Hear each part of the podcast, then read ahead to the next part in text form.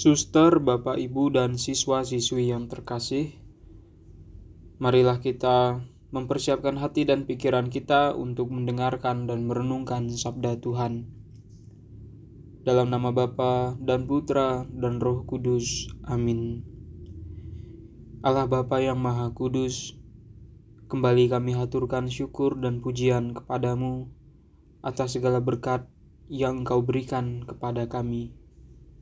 Tuhan, bimbinglah kami, tuntunlah kami di jalan-Mu, khususnya dalam kegiatan kami pada hari ini. Semoga terang sabdamu senantiasa menyinari kami, agar kami dapat berjalan sesuai dengan jalan-Mu. Engkaulah Tuhan kami, kini dan sepanjang segala masa. Amin. Inilah Injil Yesus Kristus menurut Yohanes. Dimuliakanlah Tuhan. Dalam perjamuan malam terakhir, Yesus menengadah ke langit dan berdoa bagi para pengikutnya. Bapa yang kudus, bukan untuk mereka ini saja aku berdoa, tetapi juga untuk mereka yang percaya kepadaku melalui perkataan mereka agar mereka semua menjadi satu sama seperti Engkau, Bapa di dalam aku, dan aku di dalam Engkau, supaya juga menjadi satu di dalam kami, supaya dunia percaya bahwa Engkau yang telah mengutus aku.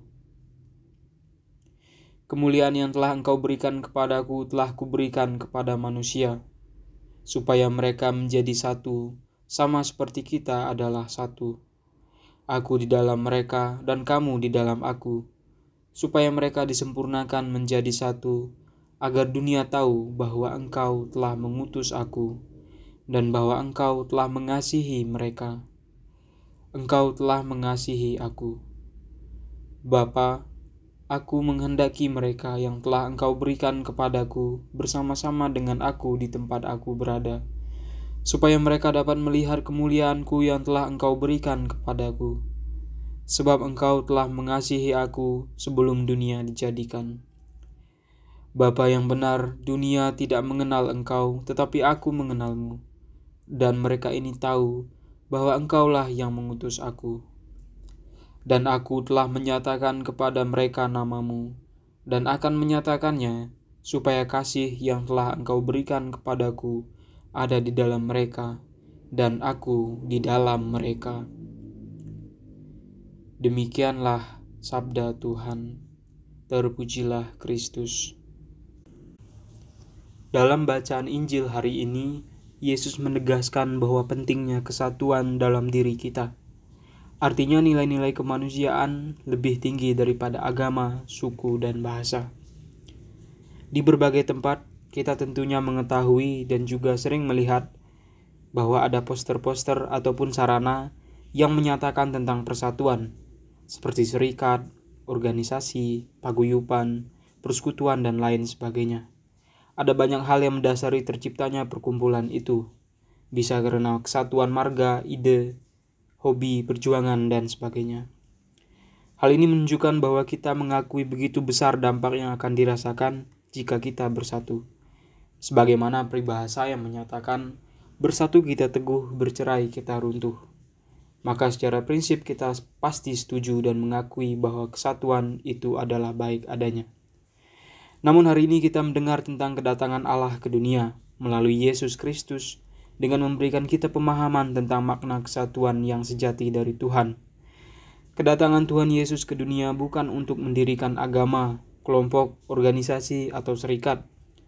Kedatangan Yesus ke dunia justru adalah sebaliknya, bahwa Dia membawa pedang untuk memisahkan kita dari ikatan-ikatan dunia. Dalam arti kesatuan yang telah terjadi di tengah-tengah kehidupan kita adalah sungguh baik adanya. Namun, kesatuan itu diikat atau dicemari oleh keinginan duniawi. Maka kesatuan itu hanyalah sekedar nama untuk melandaskan keinginan duniawi. Singkatnya yang harus kita ingat adalah sesuatu yang berlebihan tidaklah baik. Maka dari itu kesatuan kita dengan Allah nyatalah dalam diri kita sifat dasar Allah yaitu kasih dan pengampunan Tuhan dalam diri kita. Dunia pun dapat melihat perbuatan dan kasih Tuhan dalam diri kita jika kita sudah tahu dan satu dengan Tuhan. Kita tidak lagi membeda-bedakan perbuatan kita kepada siapa kita melakukan kasih itu. Amin. Allah Bapa kami, jadikanlah kami perisai cintamu. Topanglah kami agar selalu mengusahakan persatuan di dalam hidup kami Kiranya kasih dan pengampunan yang Engkau anugerahkan kepada kami memberi tuntunan agar kami setia untuk mengejar hal-hal surgawi di tengah-tengah dinamika hidup di dunia ini. Ini semua kami haturkan kepadamu dengan perantaraan Kristus, Tuhan kami. Amin. Dalam nama Bapa dan Putra dan Roh Kudus. Amin.